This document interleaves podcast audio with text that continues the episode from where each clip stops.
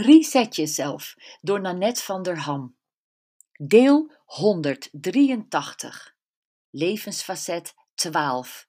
Je uiterlijk en stijl. Het levensfacet uiterlijk en stijl werkt beide kanten op. Als jij je innerlijk, je gezondheid, je gewicht, je fitheid en je ontspanning op orde hebt, straal je dat naar buiten uit.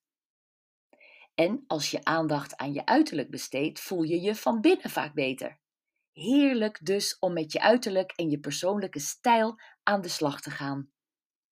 Zoek jij een partner? Misschien heb je wel iemand op het oog. Wat is het uiterlijk van die ander?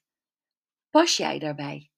Zal die ander geïnteresseerd zijn in jou op basis van je uiterlijk? Oei, dit is een kwetsbaar punt. Te veel je best doen heeft een averechts effect op een potentiële partner en te weinig ook.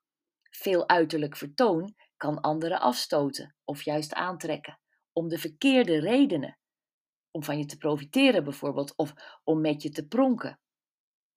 Je uiterlijk is je visitekaartje en moet congruent zijn met je innerlijk.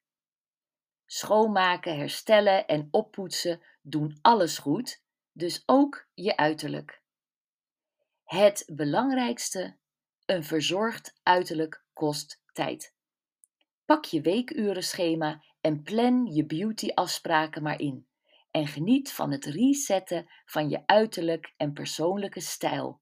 De meest letterlijke actie om de vrouw te creëren die jij wil zijn. Hier komt jouw resetter nummer 10. Show je schouders.